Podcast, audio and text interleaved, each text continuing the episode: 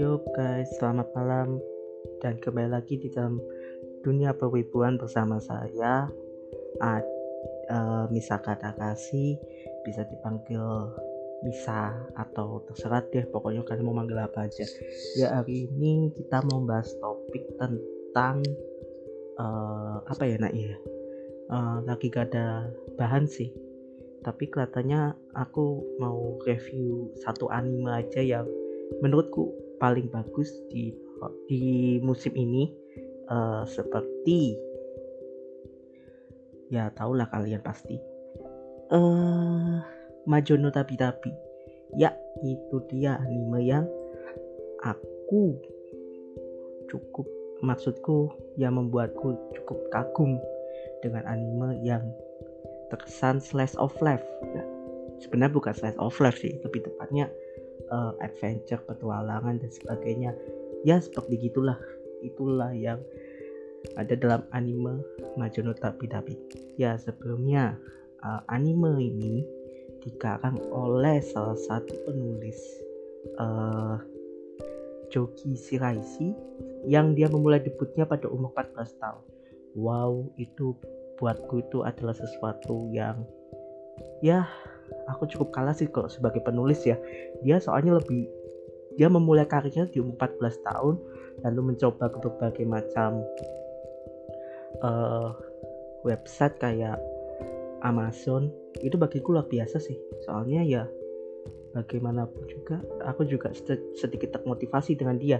Dia yang umur 14 tahun aja sudah memulai karir menulis dan bisa menghasilkan satu karya yang berjudul Majono Tapi Tapi Journey of Eli. Nah, iya sih, itu menurutku lebih gimana ya? Aku gak nggak tahu mau komen apa. Tapi menurutku itu luar biasa banget itu orang. Kalau kalau dia bisa menulis dalam waktu eh, kalau nggak salah 14 tahun dia mulai debutnya sampai kapan ya terakhir volume terakhir itu kapan ya pokoknya begitulah itu bagi luar biasa banget lalu tentang anime ini yang banyak komedinya bisa dibilang gitu. Banyak dramati dramatisasinya banyak petualangannya dan juga kisah fantasi. Ya sebenarnya kenapa uh, sebenarnya ada satu yang membuatku unik sih dari si Ilaina ini. Dari mana dia memulai sebuah perjalanan yang di mana dia itu uh, membuat uh, membuat janji dengan ibunya kalau Ilaina tidak boleh melakukan ketiga hal. Yaitu pertama jika ada masalah milih untuk lari aja. Yang kedua kalau nggak salah ya jangan anggap dirinya paling tinggi. Lalu yang ketiga kalau kembali bawalah muka tersenyum. Kalau nggak salah seperti itu sih.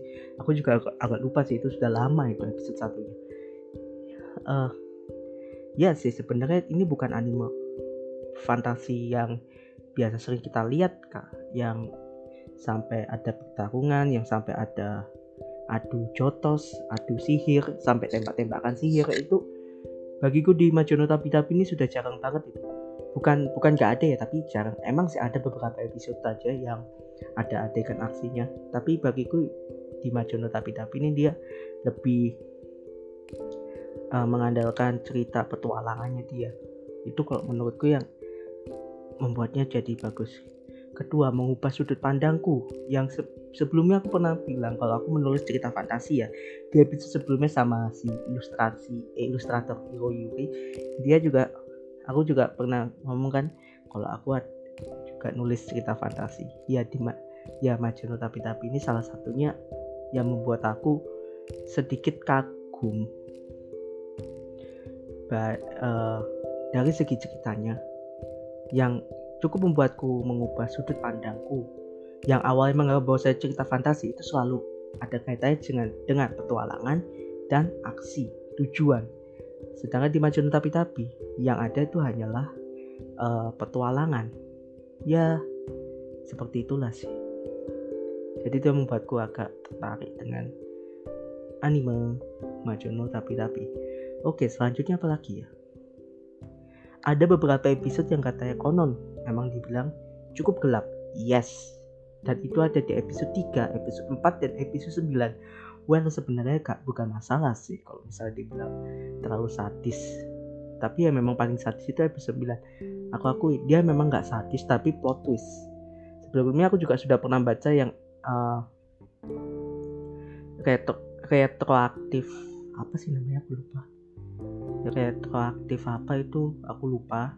Ya di situ memang ceritanya cukup cukup kelam. Dan kalau bisa di dijelasin ya world eh, WB-nya atau pembangunan dunianya dari Majono Tapi-Tapi itu mirip kayak Avenger Endgame.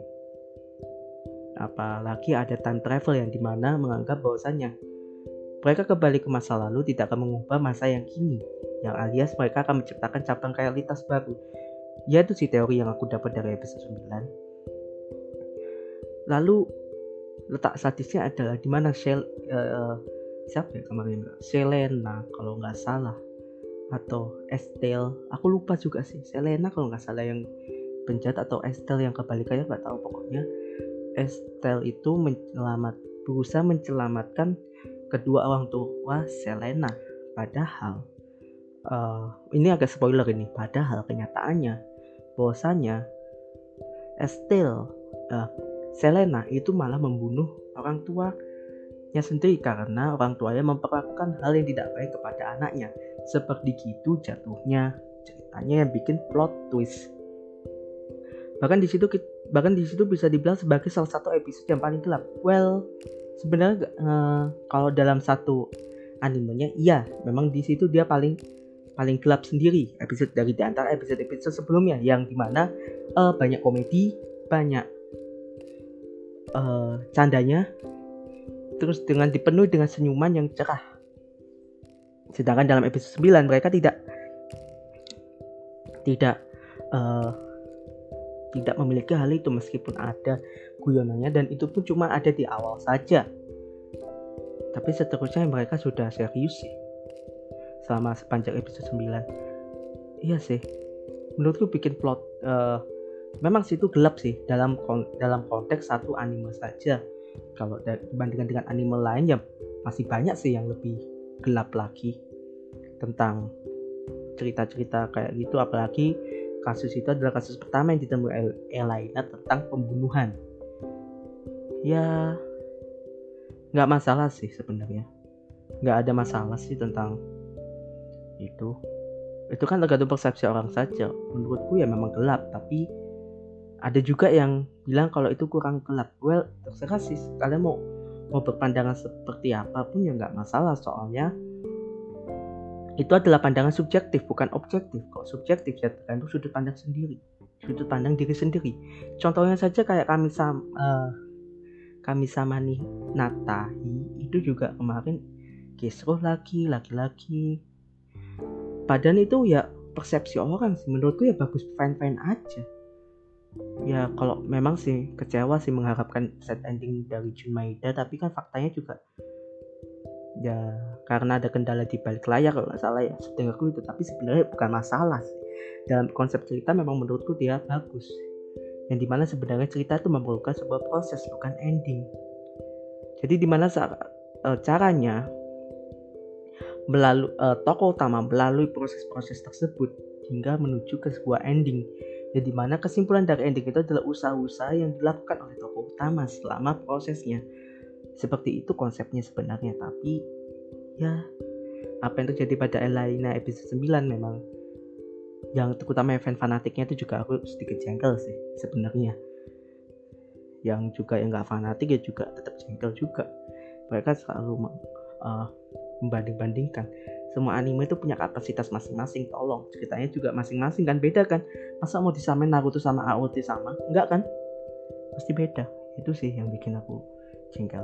Apa uh, lanjut kembali ke topik lagi tentang Elena jumlah animenya ini ada 12 episode dan sudah tayang di musik Indonesia. Kalian kalau nonton yang ilegal nonton yang legal ya resmi di YouTube sudah disediakan oleh Muse Indonesia. Tapi entah kenapa kalian kok masih nonton yang ilegal. Jadi kalian harus nontonnya yang legal lah soalnya ya sudah dikasih gratisan resmi dari Jepangnya sendiri malah di ya begitulah malah dihujat. Tambah kalian memilih tetap menonton yang ilegal ya aku tahu sih ini pasti strategi promosi. Memang awalnya digratiskan begitu sudah sampai ke tengah begitu sudah sedikit populer pasti dia akan langsung mengunci semuanya menjadi pembayaran. Tapi aku nggak mau susun kemungkinan besar kayak gitu tapi ini bukan susun namanya juga strategi promosi kan? Lalu tentang anime Majono tapi tapi ini ya sebenarnya cukup simpel sih buah jatuh tidak jauh dari pohonnya. Coba kita lihat lagi. Eh, ini ke itu adalah ibu asli dari Elaina. Yang di mana sifatnya itu nurun ke Elaina, Elaina sendiri. Elaina atau Elaina sih? Nyebutnya nggak tahu sih. Elaina aja lah. Elaina. Jadi sifat dari ibunya sendiri itu nurun ke Elaina ya sebenarnya gitu sih konsepnya. Dia juga suka-suka roti sama-sama suka roti sama-sama suka mata duitan. Dan apalagi ya lainnya itu malas bekerja dan dia itu mesti mikirin bayarannya dulu baru dia mau terima tawaran kerjaannya. Uh.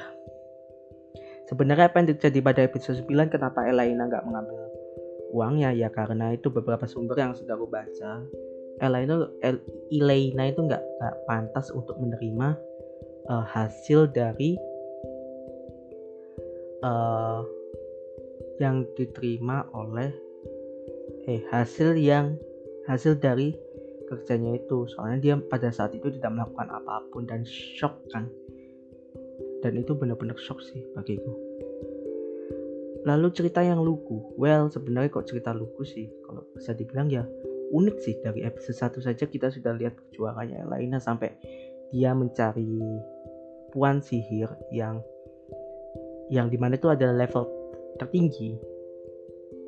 Itu gak ada yang mau nerima Elaine, Elena begitu ada yang mau nerima yang namanya Francesca yang di mana itu adalah muridnya Nike ya akhirnya sama Francesca diterima sih. Jadi muridnya dia sendiri. Jadi muridnya. Ya selama proses memang Elena yang pada saat itu episode 1 memang dia gak pernah marah. Dia hanya menuruti saja. Padahal itu adalah bagi uh, ini sudut pandangku aja tapi gak tahu sih persepsi kalian. Aku juga gak lupa sama anime yang satu ini. Kalau gak salah Elena pada saat episode 1 itu selalu men, uh, menuruti apa kata Francisci sehingga itu adalah suatu kesalahan. Kalau misalnya dia gak suka ya tolak aja. Gak masalah kan? Sebenarnya begitu. Inti dari episode 1 yang di mana itu juga cukup mengubah sih. Meskipun dia modalnya cuma pintar tapi begitu dia masih jengkel dan dia masih bisa menahan segala emosinya ya wajar saja dia pada saat itu kalah. Tapi begitu dia sedikit terbuka akhirnya ya well. Menarik dia akhirnya kan bisa menjadi puan sihir abu kan. Yang di mana puan sihir abu itu sebenarnya adalah julukan untuk untuk nikah juga karena pada saat itu Francesca adalah murid dari Nike dan ya wajar saja sih kalau mereka mau minta tolong ke Francesco untuk masalah Elena itu. Pada episode 2 pun juga sedikit uh, yang lebih menarik lagi dari anime ini ternyata sutradara itu sutradaranya itu mengacak beberapa faktor jadi mereka sebenarnya tidak urut well sebenarnya kalau mau dilihat dari uh, tanpa melihat episode satu satu pun tetap aja kita bisa paham ceritanya. Soalnya uh, setiap cerita dalam anime Majono tapi tapi itu tidak ada kaitannya. Kecuali uh, episode 10 dan 11 itu masih ada kaitannya tapi begitu mulai dari episode episode 1, episode 2, episode 3 sampai episode ke-9 pun itu gak ada kaitannya sama sekali jadi mereka benar-benar terpisah dan ceritanya berdiri sendiri-sendiri. Jadi kalau maupun tanpa melihat episode 1 pun mau loncat ke episode 2 ya gak masalah sebenarnya. Tapi ya sebenarnya pasti akan bing kebingungan. Apa sih latar belakang Elena ini? Begitu kan, dan semua itu terjawab pada episode 1 kan. Yang dia sifatnya kayak gimana, yang sama perjalanan juga seperti apa. Premis dari film ini adalah perpisahan adalah uh, petualangan adalah pertemuan dan perpisahan. Well menarik sih, memang benar sih. Dia datang ke satu kota lalu dia meninggalkannya meninggalkannya lagi. Contohnya saja pada episode uh, yang mana ya? Yang itu yang dia ketemu Francis di kota apa sih? Episode 7, episode 6 aku lupa. Episode 6 itu kalau nggak salah dia yang ketemu saya episode 7 8 6 mungkin ya dia ketemu Fransense terus habis itu besoknya Elena harus pergi ke negara lain. Ya sebenarnya sejak ya memang sih sebenarnya itu adalah salah satu bagian dari perjalanan apa yang pernah dikatakan sama Iron Man pada saat uh, di film Endgame sendiri bahwasanya akhir adalah bagian dari perjalanan. Well, sebenarnya dalam Majono Tapi-Tapi sendiri juga sedemikian konsepnya. Bisa dibilang sama, bisa juga enggak. Ya, begitulah sih. Jadi, setelah ketemuan, tentu saja diakhiri oleh perpisahan. Dan di mana perpisahan itu memang kadang menyedihkan bagi uh, semua orang. Kata-kata ya, tapi nggak tahu lagi sih. Perpisahan itu memang menyedihkan sih. Apalagi yang tergabung dalam anime Majono Tapi-Tapi dari semua episodenya yang menurutku paling berkesan itu adalah episode 1 itu benar-benar membuat aku membuat aku termotivasi itu. Uh, ya selain termotivasi juga tersentuh karena Elena sadar bahwasanya kekurangannya dia itu apa. Dan begitu mereka mengalami uh, mengalami proses selama berapa bulan ya kalau nggak salah Akhirnya Elena resmi jadi tuan sihir dan uh, Francensi pun meninggalkan si Elena ini. Ya cukup menyedihkan sekali sih. Tapi ya begitulah memang dia konsep konsep ceritanya memang seperti itu. Lalu juga pada episode di mana dia di negara negeri kejujuran juga yang episode 5 aku juga gak lupa sih 5 apa 7 sih. Pokoknya episode 8 itu nggak salah si Elena ini berusaha minum anggur. Berarti kemungkinan kalau nggak episode 5 ya episode 7 aku juga nggak lupa. Ya di situ pada saat endingnya pun juga membuatku sedikit terharu sih. Soalnya ya begitulah sih. Di mana pertama di mana si saya yang pertama kali dikenalkan pada saat episode 2 akhirnya kembali lagi pada episode 5 ya uh, gimana ya ngomongnya ya? Ya menarik sih sebenarnya dari segi cerita. Sebenarnya bukan cerita sih. Episode 5 pertemuan lagi setelah sekian lama nggak ketemu. Akhirnya ya mereka lagi-lagi setelah setelah saya San selesai menyelesaikan misinya akhirnya Elena kembali mengembara dan saya kembali ke pekerjaannya lagi. Ya itu juga membuatku sekitar harus sih meskipun banyak mengatakan kalau sebenarnya saya dan Ilena itu cocoknya adalah pasangan pasangan Yuri. Ya ampun pasangan LGBT ya. tapi sebenarnya gak tahu mau komen apa itu pun juga terjadi pada saat episode berapa juga ya? Episode 11 juga sih. Yang di mana saya tambah tergila-gila banget dengan Elena sampai dia menjelati uh, kaca atau sebuah kedai. Memang sih. Gak tahu yang anime satu ini rencananya juga katanya bakal ada lanjutannya. Begitu terakhirnya dapatkan infonya. Ya sekian dulu dah. Nggak tahu mau bahas apa lagi setelah ini. Tapi ini review tentang anime Elena menurut sudut pandangku sendiri. Jadi kalau misalnya aku salah tafsir ya mohon maaf. Soalnya ini pandangan subjektif dan semua orang tuh punya pandangan beda-beda kan mungkin gak semua sama pandangannya. Misalnya orang A menganggap pandangan ini kayak gini-gini. Orang B pandangan kita gini-gini ya pasti mau dianggap pun secara subjektif pasti beda penafsirannya. Ya sekian dulu dah dari aku. Ya selamat malam. Oh ya yes, satu lagi. Barangkali kalian yang mau ingin membeli novel Aiko kalian bisa hubungi aku uh, atau mengikuti Instagramku DM bisa kata kasih itu bisa atau langsung men, uh, menghubungi penerbitnya yang bernama penerbit Tintang Semesta Publisher. Ya itu kalian kalau ingin membeli novel Aiko.